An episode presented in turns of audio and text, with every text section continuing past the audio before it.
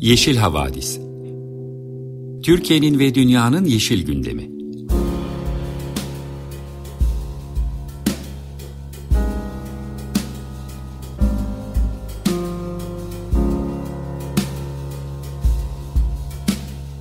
Hazırlayan ve sunanlar Selin Uğurtaş ve Savaş Çömlek.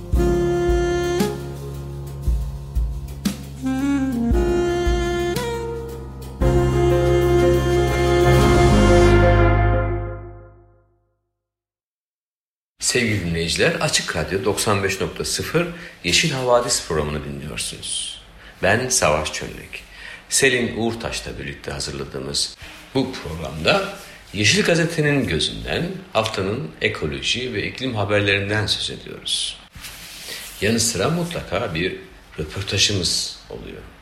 Bu hafta röportajımızı iklim grevi aktivistleriyle yaptık. Geçen haftanın kuşkusuz en önemli olayı Maşa Amini'nin İran'da öldürülmesiydi. Ülkemizde olduğu gibi İran'da da ve tüm dünyada da kadın hareketinin tepkileri her geçen gün gittikçe büyüyor. Türkiye'deki kadın hareketi temsilcilerinin bir mesajıyla başlamak istiyoruz. Günlerdir İran sokakları yanıyor. Günlerdir dünyanın her yerinde biz kadınların içi yanıyor, öfkesi, isyanı büyüyor. Bir kadın daha ona dayatılan sınırları reddettiği için devlet şiddetiyle öldürüldü. Maşa Amini için İran'da, Türkiye'de ve tüm dünyada isyandayız. Dünyayı kadınlar kurtaracak deyip programımıza devam edelim. Bir süredir alışkanlık edindiğimiz üzere sevgili Victor More'nin köşesinden bir şarkının hikayesiyle programımız devam edecek. Şarkının ismi Charles Aznavour'dan Camille Diaz. Charles Aznavour 1972 yılında bir eşcinselin hikayesini anlattığı şarkısını olimpiyada ilk defa icra ettiğinde hiçbir yanlış anlaşılmaya veya alaya alınmaya fırsat vermemiş. Ve o yıllarda hala tabu olan bu konuyu açık yüreklilikte ele almıştı. 1968 Mayıs'ında Sorbon'daki öğrencilerden oluşan bir eylem komitesinin eşcinseler yapılan baskıya ilk karşı çıkışlarından bu yana 4 yıl geçmiş olmasına rağmen o yıllarda eşcinsellik Fransa'da hala yasaktı ve suç kabul edilmesi için 10 yıl daha geçmesi gerekti. Kendisinden önce çok az şarkıcı konuyu bu denli ciddiyet ve hassasiyetle değinmişti. Şarkıyı bestelediğinde 48 yaşında olan Charles Aznavour, fikirlerini söylemekten çekinmeyen ve geri adım atmayan bir şarkıcıydı. Edebiyatta, resimde ya da fotoğrafta olduğu gibi şarkıda da samimi olmak ve bayağıya kaçmamak şartıyla her şeyin söylenebileceğini düşünüyordu. Charles Aznavour'un 1972 Fransa'sında Olimpiya sahnesinde söylediği Camille Diaz parçası daha sonra aynı sahnede Lara Fabian tarafından da tekrar icra edildi. Lara Fabian parça ile ilgili farklılık ve LBGTİ plus bireylerle ilgili bugüne dek yazılmış en iyi şarkı olarak selamladı. Şimdi bu şarkıyı dinleyerek programımıza başlayalım ve günaydın diyelim. Sevgili dinleyiciler, Yeşil Havadis programının ekoloji bülteni köşesindeyiz. İlk haberimiz gazete muhabirlerinden Bahar Ünlü'nün özel haberi. Yeşiller Partisi'nin ikinci yıl dönümüyle ilişkili. Haber içinde parti eş sözcüsü Özlem Teke ile söyleşi yapılmış. Yeşiller Partisi geçen hafta ikinci kuruluş yıl dönümünü kutladı. Tüzel kişilik kazanması hukuksuzca engellenen partinin eş sözcüsü Özlem Teke, Yeşillerin Türkiye siyasetine neler katabileceğini, gelecekte neler yaşanabileceğini anlatmış haber içinde. Diyor ki Özlem Teke aslında Yeşillerin tam da zamanı. Dünyadaki refleksler tam da bunu gösteriyor. Türkiye küresel sorunlardan muaf değil. Ekonomisi harfiyat ekonomisine dayalı. Çok daha ciddi adımlar atmak ve derhal hareket etmek zorundayız. İşçiler Partisi'nin meclise neler katabileceği ne ilişkin Bahar Ünlü'nün sorusuna ise Özlem Teke iklim krizi şu anda gezegenimizin en önemli sorunu. Bu sorundan ülkemizde muaf değil.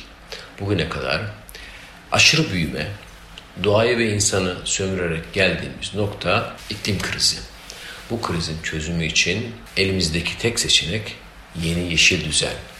Yani bütün uygarlığın ve gezegenin yeniden organize edilmesi, yeşil ilkelerle yeniden düzenlenmesi gerekir. Bu fikrin taşıyıcısı ve savunusunu, savunucusu yeşillerin mecliste olmayışı hem ülkemiz için hem gezegen için talihsizlik olurdu. Ekoloji Bülteni'nin ikinci haberi gündelik hayatla ilgili pratik bir öneri. Google'da tren bileti arama özelliği.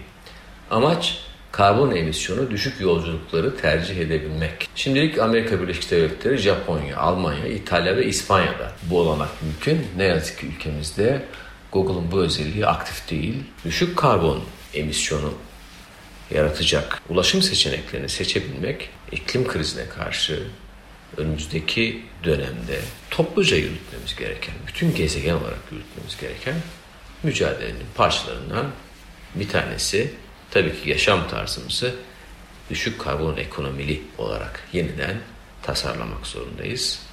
Tabii teknoloji de bu tasarıma adapte olmak için kolaylaştırıcı bir takım girişimlerde bulunuyor.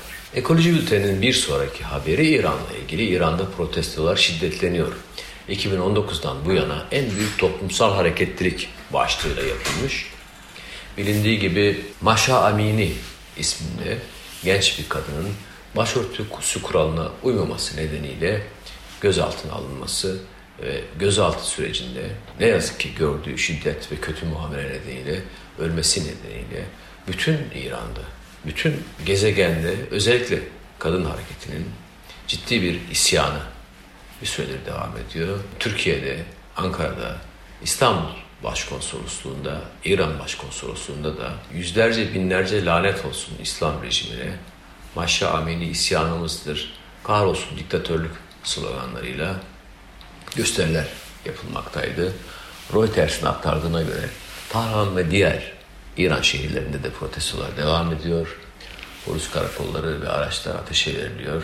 Ne yazık ki güvenlik güçlerinden ve göstericilerinden de çok sayıda yaralanan ve ölen var. Amini'nin ölümü İran'da kadınlara yönelik katı kıyafet kuralları dahil olmak üzere kişisel özgürlüklere getirilen kısıtlamalar ve yaptırımlar yanı sıra sarsılan ekonomiden dolayı da ortaya çıkan öfkeyi yeniden alevlendirmiş gözüküyor. Bir sonraki haberimiz eşcinsel imam olarak hedef gösterilen Doktor Muhammed Zahid'in İstanbul'da konuşması iptal edildi. Başlığı yapılmış cinsel kimliğini açık yaşayan LGBTİ artı aktivisti Fransız imam Doktor Ludovic Muhammed Zahed'in İstanbul'da yapması planlanan konferansı LGBTİ artı karşıtı nefret söylemlerinin ardından iptal edildi. Sosyal medyada bazı gruplar etkinliğin sponsorları için boykot çağrısında bulunarak Zahed'i hedef göstermişti. 7-11 Kasım'da düzenlenecek Brandring İstanbul etkinliği kapsamında konuşma yapacak olan Cezayir, Cezayir asıllı Fransız imam Muhammed Zahir'in ismi organizasyonun resmi sitesinden kaldırılmış. Türkiye'de kendisine yönelik tehditlere hatırlatılan Zahid, geçmişte de bu tür mesajlar aldım. Daima İslam'ı kirletmediğimizi, durumun tersi olduğunu açıkladım. İmanımızı tüm hurafelerden ve ayrımcılıklardan temizlemeye çalışıyoruz açıklamasını yapmıştı. Zahid, imam olmasının yanı sıra cinsel kimliğini açıklaması nedeniyle dünyada da nefret söyleminin hedefi haline gelmişti. Sevgili dinleyiciler, iklim bültenine geçmeden önce bir müzik arası vereceğiz. Yine Charles Aznavour, La Boheme. Merhaba, 95.0 Açık Radyo'da Savaş Çömlek ile birlikte hazırlayıp sunduğumuz Yeşil Havadis programını dinliyorsunuz. Ben Selin Uğurtaş.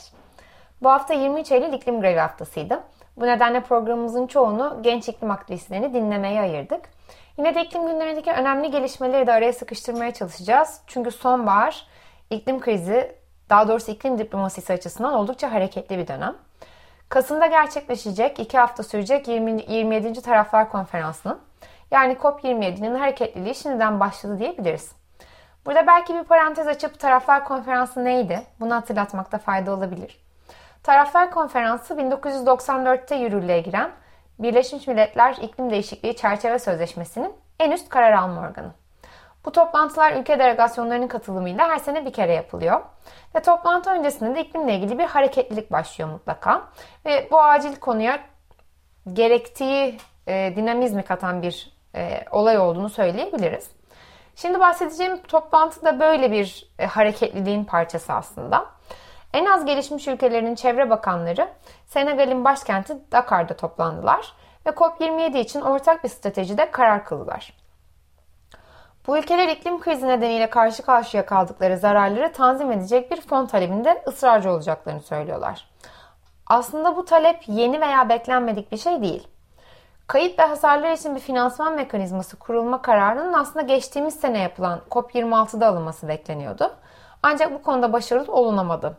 Ve bu seneki toplantıdan en büyük beklenti aslında bu meselenin sonuçlandırılması diyebiliriz. Sıklıkla tekrar ediyoruz aslında bunu. Tarihi olarak iklim krizinin sorumluları aslında sanayileşmiş ülkeler. Ancak maalesef ceremesini en çok az gelişmiş veya gelişmekte olan ülkeler çekiyorlar. Seller, deniz sularının yükselmesi, kuraklık en çok bu ülkeleri vuruyor. Sebep olmadıkları bir kriz vatandaşlarına, altyapılarına, bütçelerine ciddi zarar veriyor. Ve bu zararın tanzim edilmesi de iklim adaleti açısından oldukça önemli bir politika başlığı diyebiliriz. Nitekim Dakar'da bir araya gelen bakanlar bir bildiri yayınladılar. Bildiride kayıp ve hasar için bir finansman mekanizması kurulmasının önemi vurgulanıyor. Gelişmiş ve zengin ülkelerin karbon emisyonlarında hızlı ve derin kesintiler yapmaları istendi bu bildiride. Bu da yine iklim adaleti ile ilgili önemli bir mesele. İklim krizi için yapılması gerekenler üzerinde konuşulurken ilk söylenen şeylerden biri e, büyümeye karşı çıkıyorsunuz ama az gelişmiş ülkeler gelişmesin mi, büyümesin mi gibi bir soru oluyor. Aslında tabii ki bunu savunan birisi yok. İşin ironik tarafı e, bu savı ortaya sürenler e, esasında e, büyümeden en az vazgeçmek isteyenler yani sistemin mevcut halinden en fazla çıkar olanlar. Verilere baktığımızda ekonomileri gezegenimizin limitlerini aşan ülkeler sanayileşmiş ülkeler. En az gelişmiş ülkelerin büyüme payları tabii ki var. Ama onlar büyürken küresel ısınmayı daha da şiddetlendirmememizin yolu sanayileşmiş ülkelerin emisyonlarını çok hızlıca düşürmelerinden geçiyor. Yani en az gelişmiş ülkelerin bu talebi aslında iklim adaletiyle yakından ilgili bir talep.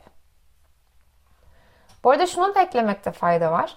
Gelişmiş ülkelerin bir diğer vaadi yoksul ulusların iklim krizine karşı daha dirençli hale gelmeleri ve yeşil teknolojilere yatırım yapabilmeleri için milyarlarca dolar fon aktarmaktı.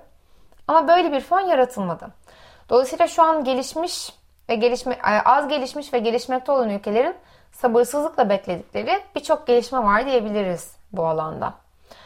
E, bu az gelişmiş ülkelerin e, Dakar'da yaptığı toplantıya katılanlar arasında Amerika Birleşik Devletleri İklim Değişikliği Özel Elçisi John Kerry de vardı.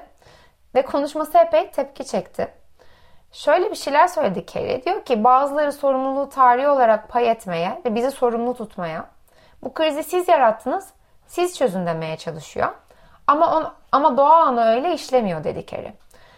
Doğa ana ulusal sınırları tanımaz ve emisyonların nereden kaynaklandığıyla da ilgilenmez diye devam etti konuşmasına. Yani yine güçlünün haklıyı bastırdığı bir an yaşandı kısacası. Ee, böyle de ilginç bir konuşma oldu. Bundan da bahsetmiş olmakta fayda var. Ee, her ne kadar Kerry böyle hayal kırıklığı yaratan bir açıklama yapmış olsa da iyi gelişmeler de yok değil. Ee, gerçi iyi gelişmeler kapsamında telaffuz edeceğim rakam birazcık gülünç. fakat daha büyük resme baktığımız zaman yine de önemli bir tarafı var. Kısaca bundan da bahsedelim. Danimarka bu bahsettiğimiz kayıp ve hasarı uğrayan savunmasız ülkelere tazminat ödeme sözü veren ilk ülke oldu. Taahhüt ettiği miktar 100 milyon kron. Yani yaklaşık 13 milyon dolar. Ee, Danimarka'nın 2021 yılı gayri safi yurt içi hasılasının 400 milyar dolara yakın olduğu düşünüldüğü zaman tabii ki 13 milyon dolar çok çok küçük bir rakam. Ee, Danimarka Dışişleri Bakanlığı bu paranın ne şekilde harcanacağını da e, detaylandırmış.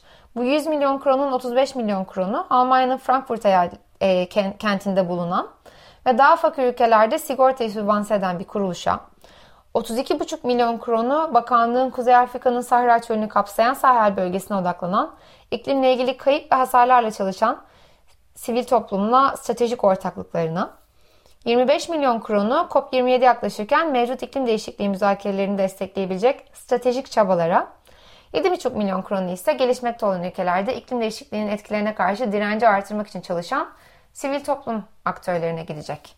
Yani böyle detaylı olarak, baktığımızda da e, ne kadar bu ülkelerin ihtiyaç duyduğu fonlar ihtiyaç duyulan işlere gidiyor? Bir soru işareti olarak ortaya çıkıyor. Miktarın küçüklüğüne karşın Danimarka'nın böyle bir e, vaatte bulunan, tazminat ödeyecek olan daha doğrusu vaat var ama aksiyon yok. İlk ülke olduğunu vurgulayalım. Aslında bu küçük miktarın önemi tam olarak da bu ilk olmasına yatıyor. Çünkü gelişmiş ülkelerin bu yönde bir tazminat ödemesi yapmaktan kaçınmasının temel sebebi böyle bir ödemenin yasal sorumluluk üstlenmek anlamına geleceği endişesi. Ee, bu gelişme dolayısıyla küçük de olsa önemli bir adım diyebiliriz. Son olarak da çok önemsediğim bir inisiyatiften bir haber paylaşmak istiyorum. Ee, bu grubun daha çok duyulmasını da çok istiyorum. Dolayısıyla bu önemli haberi paylaşacak olmak beni mutlu ediyor. Bu grubun ismi Fosil Yakıtların Yayılmasını Önleme Anlaşması İnisiyatifi. Ee, anlaşma isminden de tahmin edebileceğiniz gibi nükleer silahların yayılmasını önleşme, önleme anlaşmasından ilham alan bir grup bu. Diyorlar ki fosil yakıtlar küresel sera gazı emisyonlarının %75'inden sorumlu. Fakat küresel ısınmayı 1,5 dereceyle sınırlandırma hedefi olan Paris Anlaşması'nda fosil yakıtlardan yani petrol, kömür, doğalgazdan çıkışın bahsi dahi geçmiyor. Aynı nükleer silahların sayısını bir anlaşma kapsamında karşılıklı taahhütlerle azalttığımız gibi fosil yakıtlardan da bir plan dahilinde çıkmaya başlamalıyız diyorlar ve böyle bir anlaşma yapılması için kampanya yürütüyorlar. Şimdi de bu alanda hem piyasalara hem devletlere veri sağlayacak önemli bir veri tabanı geliştirmişler. Carbon Tracker ve Global Energy Monitor ile ortaklaşa, ortaklaşa yaptıkları bir girişim bu. Bulgular ise oldukça dramatik. Veriler ortaya koyuyor ki eğer mevcut sahalarda üretim devam ederse 1,5 derece hedefi için sahip olduğumuz karbon bütçesinin tam 7 katı salım yapacağız. Veri tabanı küresel üretimin %75'ini kapsıyor. Bunu da belirtelim. Ve 89 ülkedeki 50 binden fazla sahadan veri içeriyor. Yine veri tabanının ortaya koyduğu önemli bir şey şu.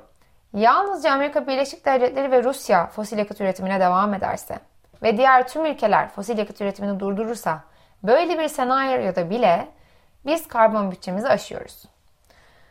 Ee, bu aslında bize şunu çok iyi anlatıyor. Hani yeni bir saha bulundu, işte şuradan doğal gaz çıkaracağız, kendi ülkemiz içinde işte şurada doğal gaz bulundu gibi haberleri e, bu çerçeveden görmeye başlamamız gerekiyor aslında.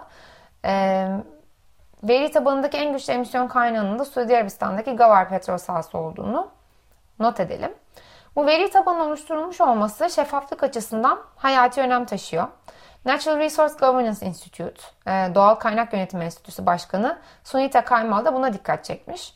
Şöyle diyor Kaymal, adil bir küresel enerji geçişi için daha fazla şeffaflık, devletler arasında daha iyi koordinasyon ve fosil yakıt üretimi için daha güçlü hesap verebilirlik gerektiriyor.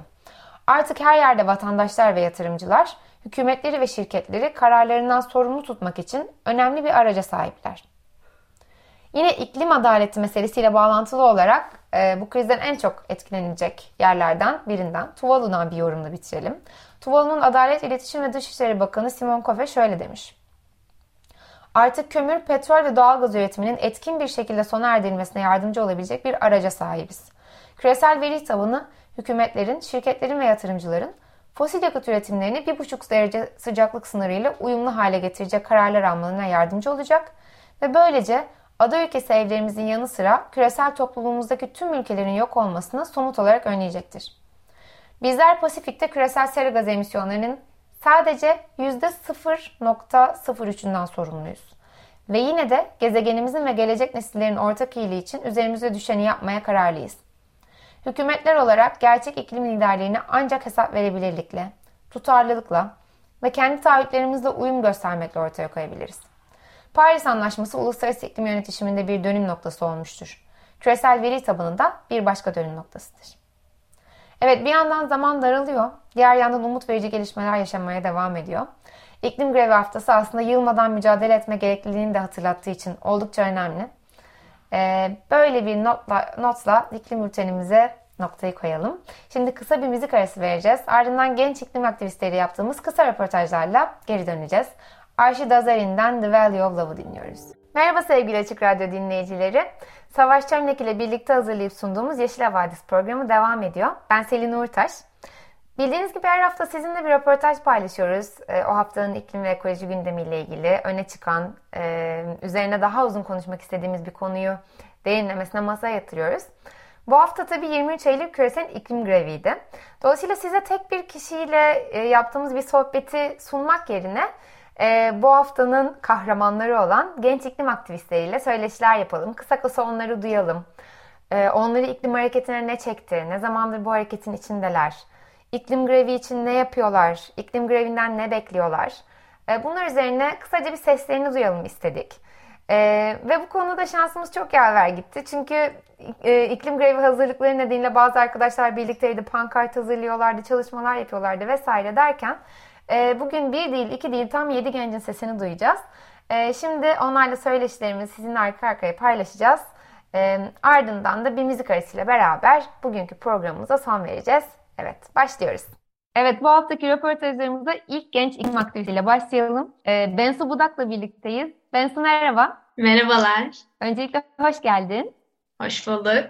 Şu an aslında seninle konuşurken iklim grevine çok az zaman kaldı. E, Perşembe akşamı bu kaydı yapıyoruz. İklim grevi yarın olacak ama bu röportaj yayınlandığında geride kalmış olacak.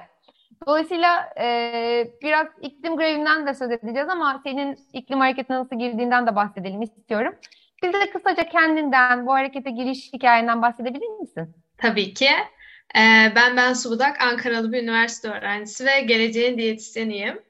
Ee, iklim değişikliği ile ilgili de çevremde olup bitenlere aslında bakmam e, yeterli oldu iklim değişikliğini anlayabilmem için. Çünkü Ankara biliyorsunuz yani 7-24 soğuk bir yer ama e, bir gün dolu yağıp ertesi gün güneş açan bir yer değildi maalesef ve bu hale geldi. E, o yüzden de hani etrafımıza baktığımızda aslında iklim değişikliğini görebiliyoruz. Bunu fark ettiğimde de nedir diye araştırdım, baktım ettim. Daha sonra da işte iklim aktivisti olma fikri oluştu aslında.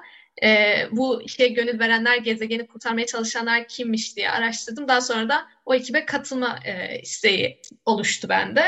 Ee, bölümümde beslenme ve diyetetik olduğu için sürdürülebilir beslenme ilgimi çekiyordu. Ee, bunun da tabii ki gezegenle çok alakası var. E, o da birazcık e, hevesimi artırdı diyebilirim. Onu mutlaka soracağım sana ama önce biraz katıldığın hareketi sormak istiyorum. İklim için Türkiye hareketiyle birliktesin. E, bu hareketi nasıl duydun? Hangi e, aktivitelerinden etkilendin ve partisi olduğundan beri olduğundan beri neler yapıyorsunuz? E, iklim için Türkiye ekibindeyim. Evet. E, NTV'de bir belgesel görmüştüm e, artı bir buçuk derece diye. Orada iki tane iklim aktivisti vardı ve hemen onların ismini Google'da arattım ve dedim ki bunlar kim ve ne iş yapıyorlar? Ee, söyledikleri, konuştukları gerçekten beni çok etkilemişti. Daha sonra içinde bulundukları platformun iklim için Türkiye olduğunu fark ettim ve e, şansıma hemen e, o e, en son paylaştıkları postunda e, aralarına gönüllü almak istediklerini, bir alım açtıklarını gördüm. Ve dedim ki hemen başvurmam lazım. E, o şekilde başvurdum ve iyi ki başvurmuşum. Gerçekten çok sıcacık, hani birbirini e, gözünün içine baktığında ne dediğini anlayabilen, birbirine bu kadar hani Türkiye'nin dört bir yanındayız ama e, dertlerimiz mücadelemizin beni çok mutlu ediyor açıkçası. Ee, peki neler yapıyorsunuz iklim için Türkiye ekibi olarak? İklim için Türkiye'de de e, aslında farkındalık yaratabilmek için sosyal medya kısmımız var. Onun dışında e, çeşitli üniversitelerde, kurumlarda eğitimler düzenlemeye çalışıyoruz. Türkiye'nin dört bir yanında yapıyoruz bunu. Yerel ekiplerimiz var. İklim için Türkiye, iklim için e, e, Ankara, İzmir falan diye böyle e, giden bir sürü yerelimiz var. E, onun dışında m, grevler düzenliyoruz her sene. E, bildiğiniz gibi küresel bir tarih belirleniyor. Tüm dünyada aynı gün iklim grevi düzenleniyor. Biz de bunun yereller bazında e, artırılmasını amaçlıyoruz. Mesela en son iklim grevi Ankara'da 2019'da ve çok küçük bir ekiple yapılmıştı. Bu sene diliyorum ki çok büyük bir ekip olacak ve 3 yıl aradan sonra e, gerçekten Ankara'nın başkent olduğunu hissedeceğiz diye düşünüyorum. Ee, böyle etkinlikler, farkındalık yaratma çalışmaları düzenliyoruz. Çok teşekkürler. Ee, o zaman lafı biraz e, seni en çok ilgilendiren meseleye getireyim. Çünkü iklim hareketine girme nedenlerinden birinin bu olduğunu söylemiştin röportajdan önce yaptığımız kısa sohbette. Ee, biraz bize sürdürülebilir beslenmeden bahsedebilir misin? E, bu kavram senin neden ilgini çek çekiyor? Şöyle ki biz aslında sağlıklı beslenmeyi genel olarak Akdeniz diyeti olarak tanımlıyoruz ama Akdeniz diyetinin de e, karbon ayak izi tabii ki diğer beslenme türlerine göre düşük ama yine de daha düşük versiyonu dediğimiz bir sürdürülebilir beslenme modeli var aslında. E, hayvansal kaynakların daha kısıtlandığı, işte süt ve süt ürünlerinin haftada birkaç defaya düşürüldüğü gibi e, çeşitli bitkisel tabanlı beslenme tam olarak değil. E, yine hayvansal ürünler var ama bunların daha az tüketildiği bir e, beslenme modeli ve burada da karbon ayak izini aslında azaltmaya çalışıyoruz. Amacımız bu. Yani bir yandan kendimizi besliyoruz ama bir yandan gezegeni de beslememiz lazım ya da ona e, beslenmesini engelleyecek şeyleri ortadan kaldırmamız lazım. Hani faydamız olmayacaksa bile en azından zararı aza indirmemiz gerekiyor. Sürdürülebilir beslenme kısaca böyle diyebilirim. Çok teşekkürler bize zaman ayırdığın için. E, dilerim yarınki iklim grevi güzel geçer. Biz de sizden haberler almaya devam ederiz. Çok teşekkürler Bensu. Ben çok teşekkür ederim. Çok sağ olun. İklim grevi haftasında genç iklim aktivistlerini dinlemeye, taleplerine kulak vermeye devam ediyoruz. Şimdi de iklim için Türkiye'den Barış Tarsuslu ve Bahar Sekban ile birlikteyiz. Merhaba arkadaşlar, hoş geldiniz. Merhaba, hoş bulduk. Merhaba, hoş bulduk. Önce kısaca sizleri tanıyarak başlamak istiyorum. Bize biraz kendinizden ve iklim hareketine nasıl dahil olduğunuzdan bahsedebilir misiniz? Ee, ben başlayayım isterseniz. Tabii buyur Bahar. Geçen sene iklim için Türkiye'yi Instagram'da gördüm ve birazcık ilgimi çekti açıkçası sayfaları. Çok da iklim kriziyle ilgili bir bilgim yokken başvurdum. Ve aslında ben hareketin içine dahil olduktan sonra birazcık iklim aktivisti olmaya başladım. Bu konuları birazcık daha savunmaya, bilgilenmeye başladım. Peki senin iklim hareketiyle ilişkilendirme, ilişkilenmeye çeken ne oldu? Yani dahil olmayı isteten ne oldu sana? Yani açıkçası gördüğüm ortamı beğenmiştim. Hani burada hem ne yaptıklarını öğrenebilirim hem de minik bir arkadaş çevresi oluşturabilirim diye düşündüm. Bu kadar aktif olacağımı da planlamıyordum. Ama içine girdikten sonra bambaşka bir şeye dönüştü. Barış senin için nasıl gelişti bu süreç? E, benim için aslında ben e, geç, ben de geçen yıl katıldım iklim için Türkiye'ye. E, ama ondan önce e, çok fazla araştırma yapmıştım. İşte Greenpeace, World e, World Wide Fund muydu? E, evet, World Wide evet. Fund for Nature'da işte araştırma yapıyordum falan. Sonra bir buçuk derecede Alara ve e, Duru'yla tanıştım. Onlar beni e, Fridays for Future eski adıyla oraya yönlendirdiler. Ee, sonra ben de başvurdum, kabul edildim. Ee, ilk zamanlarda pek aktif olamıyordum e, okuldan dolayı ve özgüvenim eksikti o zamanlarda. Sonradan e, özgüvenim e, özgüvenimi aşıladım. E, evet yapabilirim, hak savunuculuğuna başlayabilirim dedim. Ve bu yüzden de e, iklim için Türkiye'de aktif bir şekilde devam ettim. E, öyle ve daha sonra da zaten diğer iklim e, STK'larına, e, sivil toplum kuruluşlarına hepsine tek tek katıldım. Hepsinde aktif olarak rol aldım. Öyle ve hepsini gerçekten çok sevdim. Tam bir aile olduk diyebiliriz. Öyle. Benim için çok e, fazla bir anlam içeriyor. Harika. Peki biraz neler yaptığınızdan bahsedebilir misiniz? Çünkü çok fazla e, iklim hareketi var. E, bunlar birbirinden ne şekilde ayrılıyor çok iyi bilmiyoruz dışarıdan. İklim için Türkiye olarak siz neler yapıyorsunuz iklim kriziyle ilgili? şimdi, benim Söz için... alma tartışmaları. Barış buyur sen başla.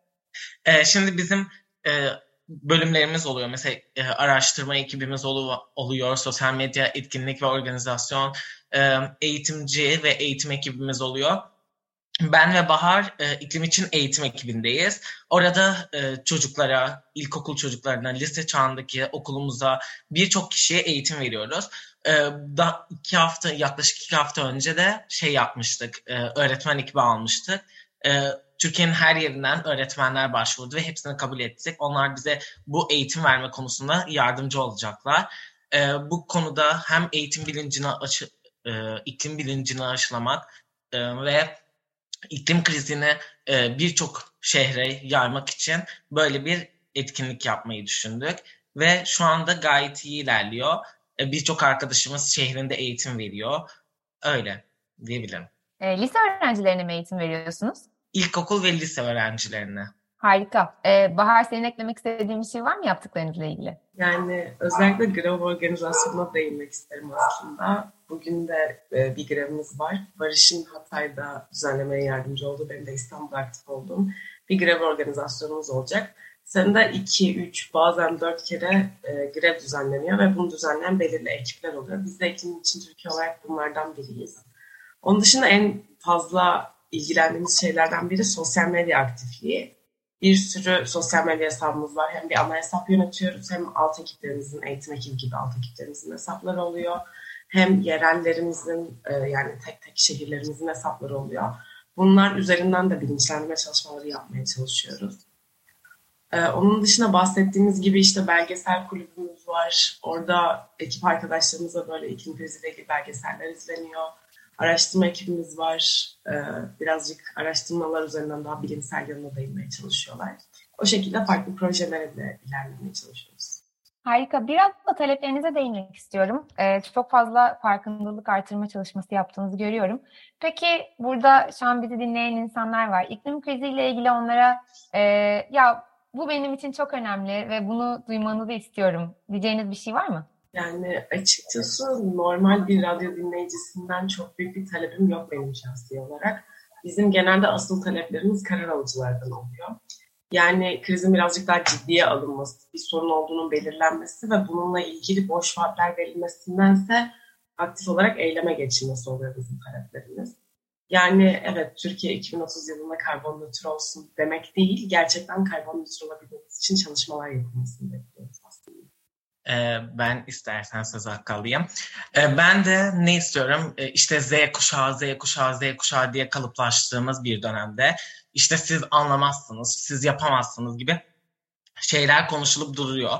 Ama oysa ki karar alıcılar bize bizim e, sözümüzü bir kez dinlese asla pişman olmayacaklar ve aksine ne kadar daha çok çabaladığımızı, dünya için ne kadar e, önem verdiğimizi görecekler. Eminim ki bu yanlıştan dönülecek bir gün ve bizim de sözümüz dinlenecek. Bu yani biz pardon çok takıldım ve çok heyecanlandım. Neyse e, bizim sözümüz dinlenecek ve e, biz gençler varsak umut var diyorum. E, biz olmasak bilmiyorum yani çok Ay bilmiyorum çok heyecanlıyım. Alt üst ettiğimi hissediyorum. hayır hayır hiç endişelenme. E, gayet güzel gidiyor. E, bir kere söylediğin her şeye katılıyorum. Biraz e, iklim adaleti konusunda da belki bu jenerasyonlar arasındaki farka değinmekte fayda var. Çünkü e, sizden önceki kuşakların yaptıklarının ceremesini çekecek olan kuşak siz ve sonrakiler. E, biz de dahil aslında. E, ama e, bunu ben de hep düşünüyorum. Mesela 2050 yılının bize ifade ettikleriyle şu an karar alıcı konumda olan siyasetçilere ifade ettiği şeyler çok farklı. E, bizim içimizde içinde yaşayacağımız bir dönem. E, o yüzden söylediklerine kesinlikle katılıyorum. Son bir isterseniz iklim grevi ile ilgili küçük bir notla bitirelim, toparlayalım. E, bugünkü iklim grevi e, program yarın yayınlanacak, geçmiş olacak. Umarım çok güzel geçer. E, ama Hayır. söylemek istediğiniz bir şey var mı iklim grevi ile ilgili? Ben istersen söyleyebilir miyim? Şöyle, e, biz iklim grevini Türkiye'de her yerde yapmaya çalışıyoruz ve e, şu an Hatay'da e, ne kadar kısıtlamalara rağmen tek başıma e, işte diğer ekiplerle birçok iklim dernekleriyle çalışmalar yürütmeye çalışıyorum. Hepsini bir çatı altında toplamaya çalışıp Hatay'dan da sesimizi duyurmaya çalışıyorum. E, bu konuda herkesin iklim aktivistlerinin yanında, gençlerin yanında olmaya çağırıyorum. Umarım bu yanlıştan dönülür ve COP26 zirvesinde yapıldığı gibi boş vaatler değil, ve gerçek e, icraatlere geçerler. COP26 zirvesinde neler yapılmıştı? İklim adı altında toplanıp lahmacun partisi verilmişti. E, biz e, 27. iklim zirvesinde böyle bir şey yapılmasını istemiyoruz mesela. Bunu diyebilirim. COP27'den ümitliyiz. Ümitli olmak evet. istiyoruz diyor Barış. Var senin eklemek istediğin bir şey var mı? Ee, ben de en azından bu grev için bunu duyuramayacak olsak da sonraki grevlerde bunu dinleyen insanların birazcık bizim ses çıkarmamıza yardım etmelerini rica ediyorum. Ee, bir sonraki grevimizde işte bütün dinleyicilerimizi şu anda bekliyoruz. Ee, aynı zamanda Barış'ın da bahsettiği gibi Z kuşağı olarak biz dinlenmiyoruz çok fazla. Özellikle de yetişkinleri bu konuda birazcık daha bilinçli olmaya davet etmek istiyorum.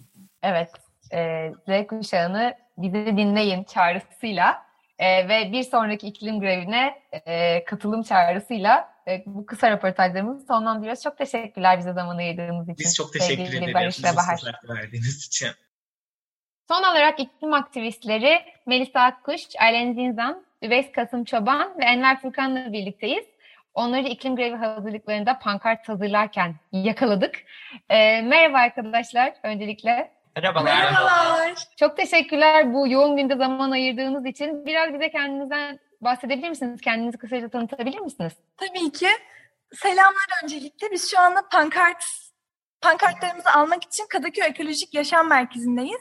Ve pankartlarımızı alıp şimdi Selami Çeşme Özgürlük Parkı'na grevimize gideceğiz. Orada da teknik hazırlıklarımızı yaptıktan sonra saat 17'de grevimize başlayacağız. Ben de Melisa. Uzun bir süredir iklim ve çevre alanında mücadele eden bir iklim aktivistiyim. Selamlar, ben Üveys. E, 21 yaşındayım. Ben de öğrenci ve aktivistim. Selamlar, ben Enver Furkan Karar. 17 yaşındayım ve ben yeni bir aktivistim diyebilirim. Harika. Merhabalar, ben Alen Zinzal. Ben de 18 yaşındayım. Ve ben de bir süredir veganizm ve iklim aktivizmiyle uğraşıyorum tabiri caizse diyebilirim. Emeklerinize sağlık. Sizi iklim hareketine çeken ne oldu? Onlardan, ondan kısaca bahsedebilir misiniz?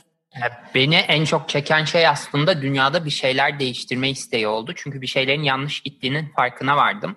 Ve e, bu yolda iyileşmeye giderken bir arpa boyu yol gidebilmek adına ben de elimden gelen bütün katkıyı sağlamak için bu yönde çekildim. Ben de aynı sebeplerle aslında bir farkındalık yaratmak için bu işin içerisindeyim. Çünkü insanlar gerçekten bu konu hakkında ya bilinçsizler ya da duyarsızlar ve bunları büyük ihtimalle biz değiştireceğiz zaten. Zaten e, sosyal medyada ya da herhangi bir yerde basında çok fazla işte iklim krizi ve benzeri olaylar çok karşımıza çıkıyor. Negatif şeyler çok karşımıza çıkıyor. Ben de şahsen bunun psikolojik e, ağırlığı altında kaldım bir süre. Tek başıma mücadele etmeye çalıştım ancak bir süre sonra bunun yeterli olmadığını fark ettim ve böylece e, iklim aktivizmi alanına atılmış oldum ve so- e, toplumsal bir hareketin içinde bulunma ihtiyacı hissettim. Ben de aslında böyle gelmiş böyle gitmez diyorum. Bu kötü gidişata karşı. Ve bunun içinde çok uzun süredir her gün günden daha çok şu soruyu düşünüyorum. Nasıl daha iyisini yapabilirim? Nasıl daha iyisini gerçekleştirebilirim sorusu üzerinden iklim aktivizm, toplumsal cinsiyet eşitsizliği ve diğer birçok hak temelli alandaki özellikle çocuk hakları alanında mücadele ediyorum. Ve tabii ki dünyayı kurtarabileceğimizi ve değiştirebileceğimize inanıyorum. Ve bu arzumu, bu hayalime tutmaya inanarak bu yolda mücadele ediyorum. Bu şekilde.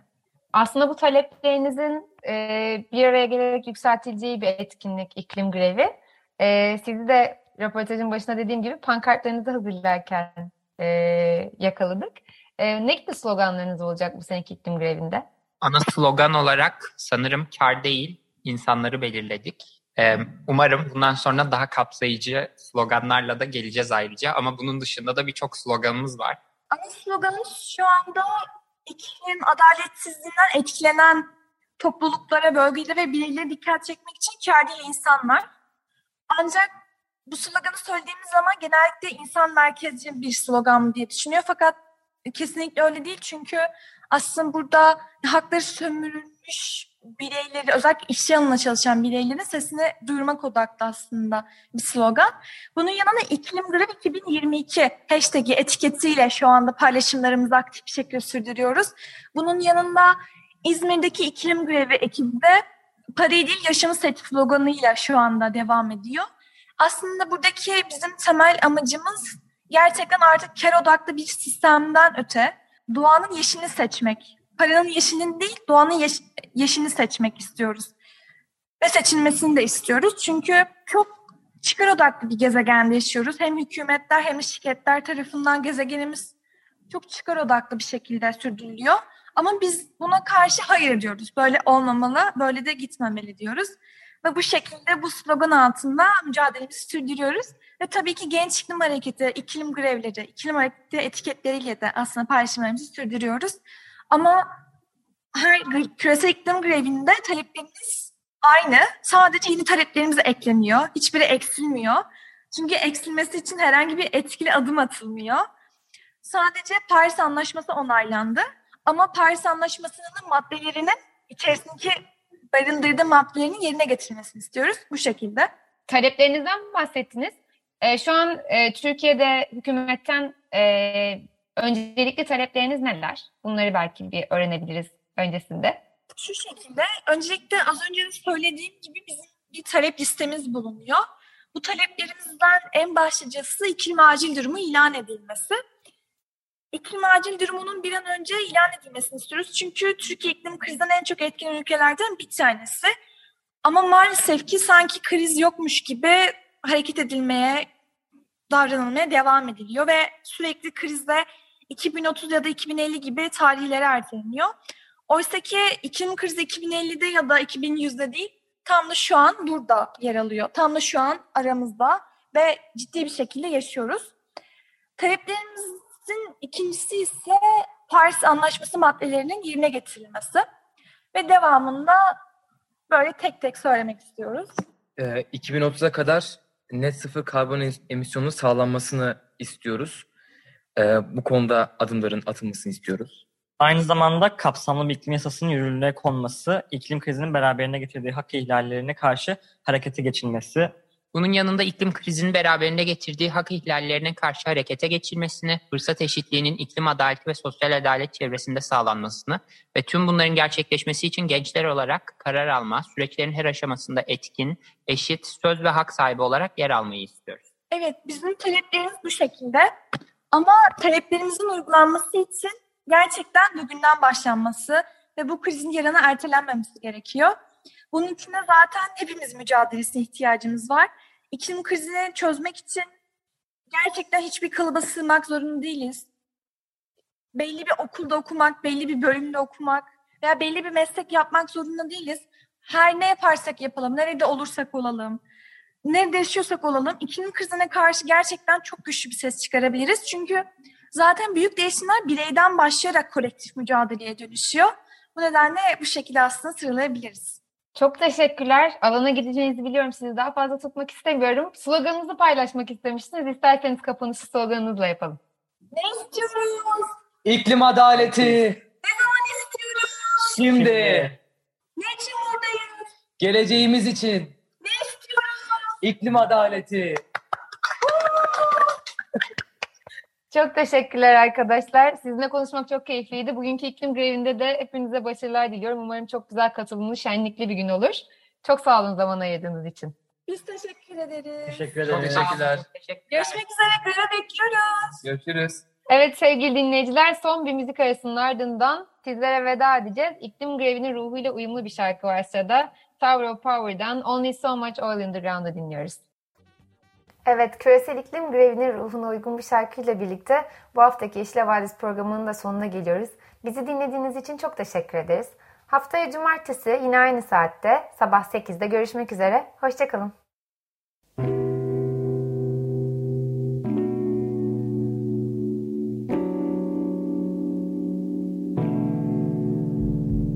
Yeşil Havadis Türkiye'nin ve dünyanın yeşil gündemi.